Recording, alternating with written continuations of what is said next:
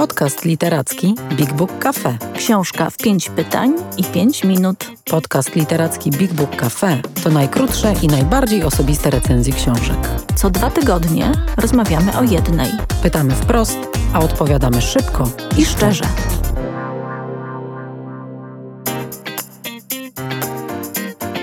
Dzień dobry. E, witamy w kolejnym odcinku naszego literackiego podcastu Książka w pięć pytań z Big Book Cafe. Dziś porozmawiamy o nowej, wyczekiwanej przez wielu książce Mikołaja Łozińskiego Stramerowie. Ania Król jest świeżo e, po lekturze. Cześć Ania. E, dzień dobry, tak, rzeczywiście bardzo świeżo, nawet kilka e, godzin temu skończyłam czytać. Więc to będzie naprawdę taka relacja na gorąco. E, zanim jednak o książce, chciałyśmy serdecznie podziękować naszym patronom i patronkom, bo to dzięki Wam, drodzy i drogie, powstaje ten podcast. Dziękujemy za wsparcie. Dziękujemy też, że mamy komu opowiadać o naszych literackich fascynacjach. Wasza obecność jest dla nas też ważna, bo wsparcie Mm, Big Book Cafe to 200 wydarzeń rocznie, bezpłatnych i otwartych, y, w których możecie uczestniczyć. Y, no i y, wiele okazji do tego, żeby dzielić się miłością do czytania. Ten podcast to też opowieść o książkach, które nas poruszyły, nas zachwyciły, które zrobiły na nas wrażenie, więc skoro o tej miłości mowa, to zaraz będę pytać Anię Król, jakie uczucia wywołali w niej stramerowie.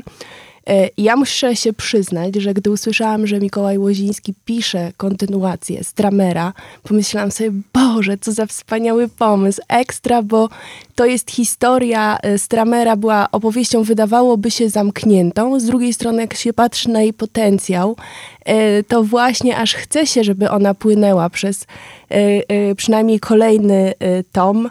Jak ty, Ania, podeszłaś do tego pomysłu i czy w trakcie lektury wciąż e, myślałaś, że to dobrze, że Mikołaj Łoziński znów e, pociągnął dalej losy rodziny Stramerów? A to jest w sumie um, niełatwo odpowiedzieć na to, na to pytanie, bo z jednej strony oczywiście tak, jest to świetna historia i kiedy mówisz, że myślałaś o tym, że wspaniale, że jest kontynuowana, to prawda, a ja po lekturze tej kontynuacji tego, no nie można chyba powiedzieć drugiego tomu, ale tej kolejnej części, myślę sobie, że w zasadzie to chyba jeszcze ciekawsza byłaby część trzecia, e, która e, opowiadałaby o losach potomków Stramera e, w latach 50. i 60., bo ta historia, e, którą opisuje Mikołaj Łoziński e, w Stramerach, to jest opowieść o dzieciach Natana Stramera. Już osadza tę historię w innych realiach, zarówno geograficznych, bo wyjeżdżamy z Tarnowa, w którym działa się akcja Stramera szóstka jego dzieci e, podczas II wojny światowej, bo śledzimy ich losy mniej więcej od roku 41 do 40 chyba 8 albo 9, więc przez e, całą niemal okupację i ten pierwszy okres powojenny.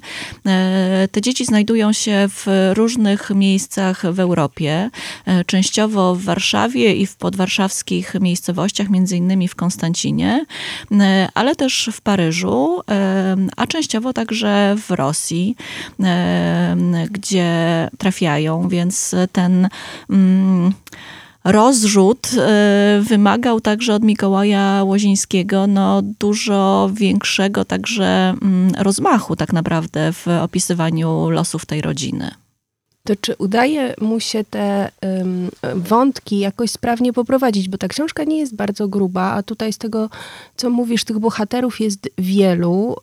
Y, jak się domyślam, on stara się też trochę na ich przykładach y, opowiedzieć o tym, co działo się ludźmi, z ludźmi y, w czasie wojny, jakie te wojenne losy mogły być. I czy czytelnik nie gubi się w tym nadmiarze wątków i czy udaje się jakby sprawnie poprowadzić tą narrację? E, z jednej strony Mikołaj Łoziński e, kilkakrotnie e, w, prowadząc tę narrację, e, przypomina czytelnikowi, że mamy do czynienia z kontynuacją. Powołuje się na pewne informacje, które e, niektórzy czytelnicy mogą znać, pamiętać z lektury Stramera, ale to nie znaczy, że trzeba przeczytać wcześniej Stramera, żeby zrozumieć Stramerów. Więc ta książka, te książki i tak druga książka są napisane w taki przemyślany, sprytny sposób. To znaczy stanowią e, zamknięte całości, a jednocześnie spinają się w jakiś rodzaj podwójnej e, narracji. E, rzeczywiście tych bohaterów jest więcej. Książka jest podzielona tak naprawdę na pojedyncze historie, e, które dzieją się, tak jak powiedziałam, na przestrzeni kilku lat. Te podziały dotyczą konkretnych bohaterów i myślę, że dzięki temu też Mikołaj Łoziński wprowadza pewnego rodzaju porządek do tej książki. E, są e, części, które dotyczą Nuska, które dotyczą Hesia, które dotyczą Reny, więc poszczególnych dzieci Natana Stramera. Myślę, że to, co jest y, najciekawsze, ciekawsze, chociaż właściwie nie wiem, czy mogę tak powiedzieć, ale na, na pewno jakoś e, e, bardzo interesujące i w sumie też zdumiewające, e, to jest to, że owszem, są to losy ludzi, takie losy malowane jakby w, na tle e, losów w ogóle wojennych i na, na tle historii e, wojennej, przede wszystkim oczywiście Polski wojennej, okupacyjnej, e, ale trzeba pamiętać, że to są losy bohaterów żydowskich, więc oczywiście to, to, to, to nie jest jakaś historia historia uniwersalna, e, bo jednak to, co e, przytrafiało się, przytrafiło się e, Żydom w czasie okupacji, jest jakby bardzo konkretną, specyficzną częścią historii Europy i świata podczas II wojny światowej. No jak można się domyślić, jeśli ci bohaterowie żyją nadal po zakończeniu II wojny światowej, to musieli się ukrywać. I rzeczywiście większość tej opowieści to są dość pogmatwane historie e, ludzi, którzy e, starają się ocalić e, życie, zmieniając tożsamość, ukrywając się pod innymi nazwiskami, używając nieprawdziwych dokumentów i tak. Natomiast to, co jest interesujące i myślę, że odróżnia też tę opowieść od bardzo wielu historii, które znamy e, z literatury, które opisują losy Żydów w czasie e, II wojny światowej.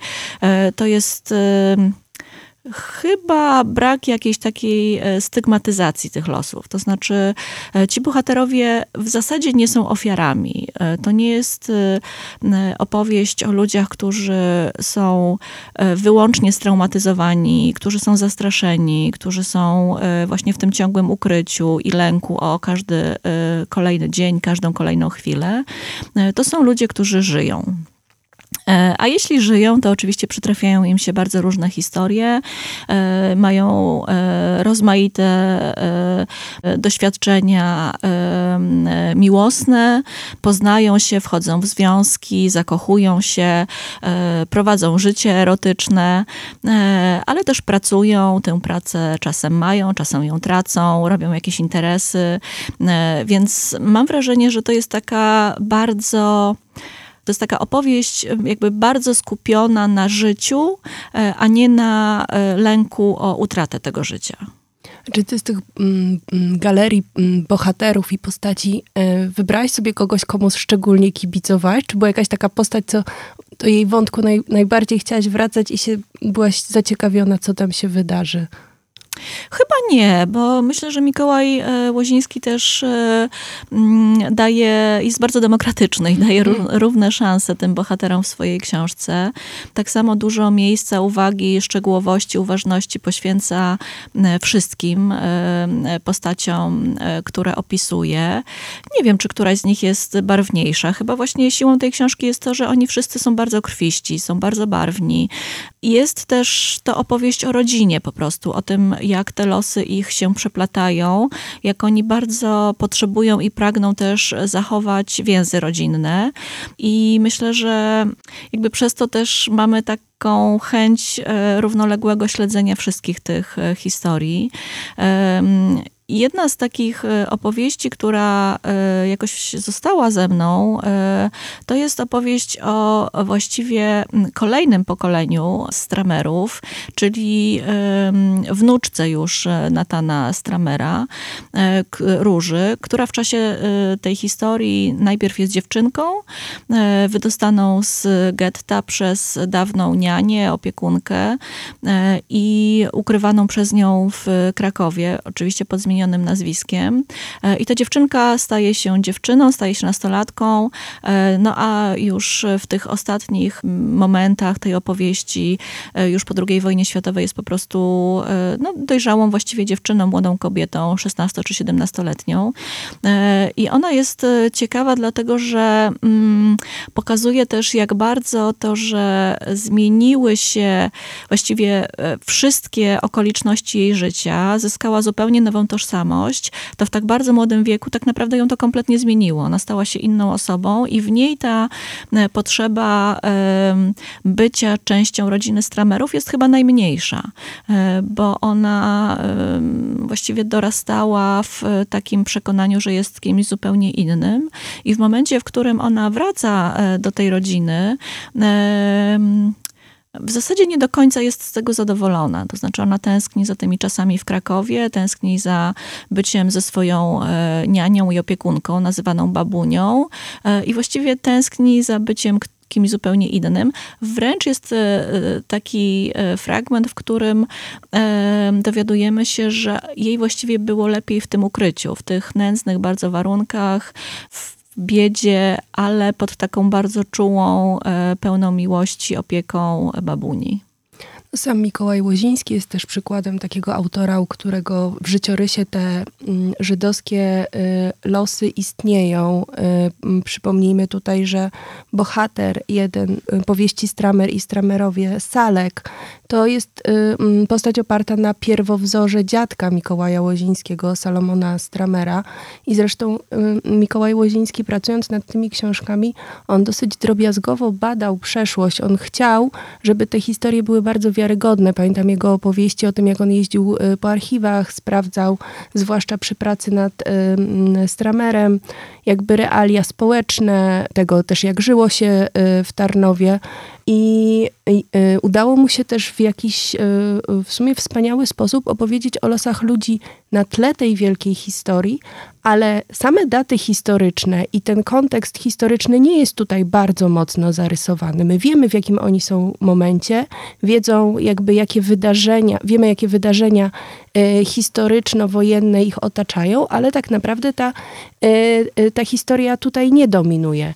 Wydaje mi się, że w tej drugiej części udało się zrobić to samo. Tak, rzeczywiście koncepcja taka kreatywna i fabularna jest podobna. Pojawiają się oczywiście e, daty, mm, no jakąś takie chyba najistotniejsze z punktu widzenia e, historii wojennej, e, mm, bo oczywiście mamy, dostajemy informacje o tym, że mm, jest powstanie w getcie, później są sceny, w których jeden z bohaterów wraca do tego getta, które jest już e, spalona, już e, nie ma tam ludzi, e, więc jakby przypominamy sobie to, co właściwie wiemy, tak, z innych opowieści na temat tego, jak ta historia Żydów w Warszawie wyglądała. Pojawiają się informacje na temat obozów, ale kompletnie one nie dominują jakoś tej historii. Ci bohaterowie są świadomi tego, że te obozy istnieją. Pojawia się później wątek powstania warszawskiego i też jakiś rodzaj dylematu, czy właśnie ci Żydzi mają brać udział w tym powstaniu, czy nie. Częściowo to się dzieje.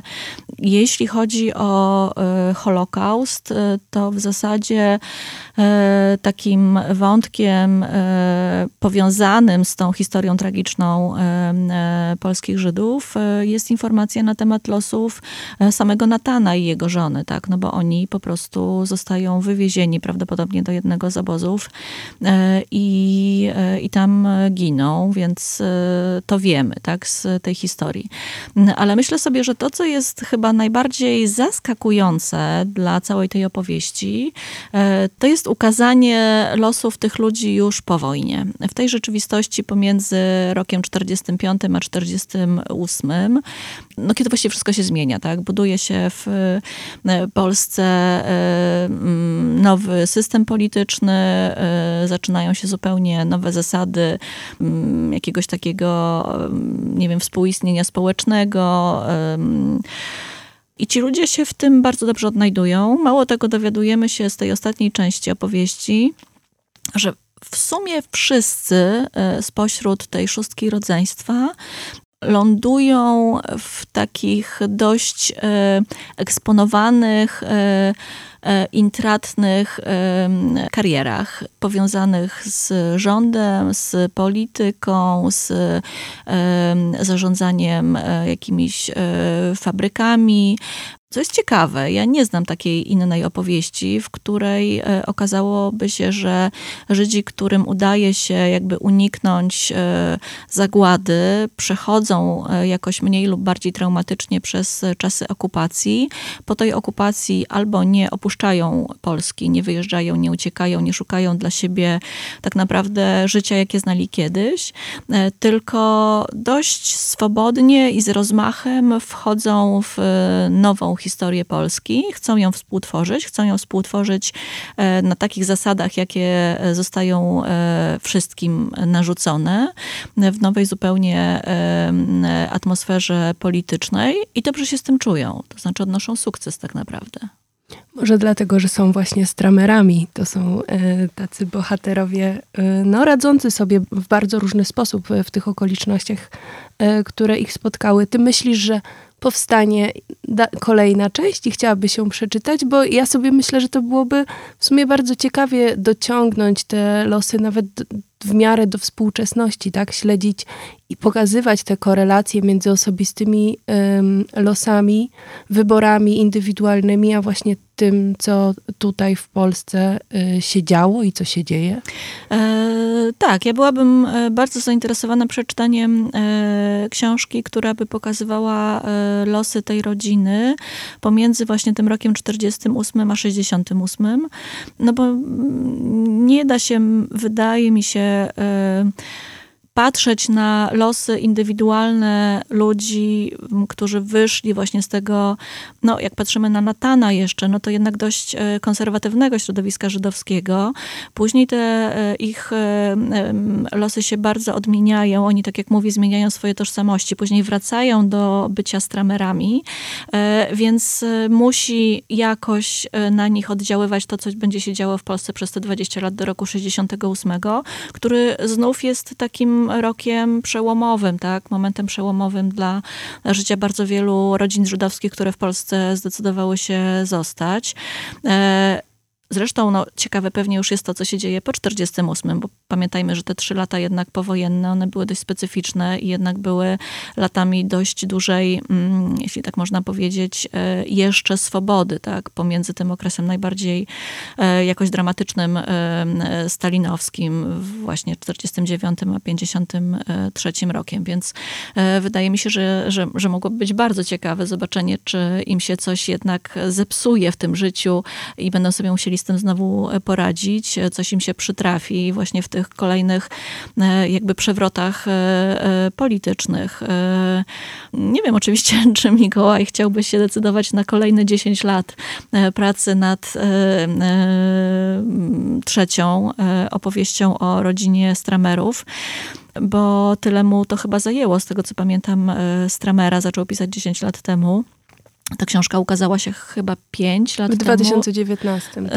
Czy 4 lata temu w takim razie, więc kolejne 6 to była praca nad e, kolejną częścią, więc e, e, to jest naprawdę działanie z takim bardzo dużym literackim rozmachem, naprawdę imponujące. Zresztą to jest świetna literatura i o tym też pewnie warto powiedzieć.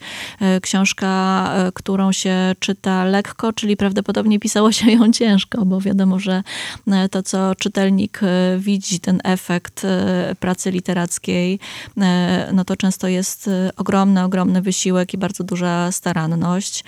Mikołaj pisze pięknie, no i pisze w sposób niez, niezwykle sprawny. No, właściwie mogłabym powiedzieć, że według mnie on jest jednym z najlepszych polskich, współczesnych, wciąż dość młodych pisarzy literackich, pisarzy literatury. No i bardzo mu kibicuję, choć nie wiem, czy chciałabym, żeby zakończył e, jakiś ważny okres swojego życia na e, pracy wyłącznie nad e, jednym jakoś tam tematem, tak, kontynuowanym i, i żeby był pisarzem właśnie tego jednego wątku. Być może czas na to, żeby zajął się kolejnymi historiami, historiami i pokazał swój talent w jeszcze inny sposób. Dobrze, że powiedziałaś, że Mikołaj jest młody, więc może zdąży napisać dla nas jeszcze kontynuację z dramerów i jeszcze kilka innych opowieści. I ja też sobie myślę, że ci Stramerowie to też jest taka opowieść e, filmowo-serialowa i wydaje mi się, że prędzej czy później, a może już tak się stało, że e, jacyś twórcy właśnie filmowi e, zgłoszą się, e, by tę opowieść e, przenieść na ekran, bo myślę, że to też mogłoby się dobrze sprawdzić, choć Przede wszystkim zachęcamy Państwa do sięgnięcia po książki. Stramera i stramerów znajdziecie w naszych księgarniach, e, księgarniach Big Book Cafe MDM i Big Book Cafe Dąbrowskiego. Mamy też kilka egzemplarzy podpisanych przez autora, więc E, serdecznie e, zapraszamy. E, jeszcze raz dziękujemy Wam, drodzy patroni i patronki, za wspieranie Big Book Cafe. Dziękujemy też miastu stołecznemu Warszawa, które współfinansuje stały program literacki, a nasz podcast jest częścią tego programu. Zapraszamy i zachęcamy do słuchania naszych kolejnych audycji. Dziękujemy bardzo za słuchanie dzisiejszego odcinka i do usłyszenia już wkrótce. Więcej o książkach opowiemy Wam osobiście, jeśli odwiedzicie Big Book Cafe, czyli księgarnię, kawiarnię i Centrum Wydarzeń Literackich. Wejdźcie na bigbookcafe.pl lub odwiedźcie nasz profil na Facebooku Big Book Cafe. Czytam, gadam, żyję.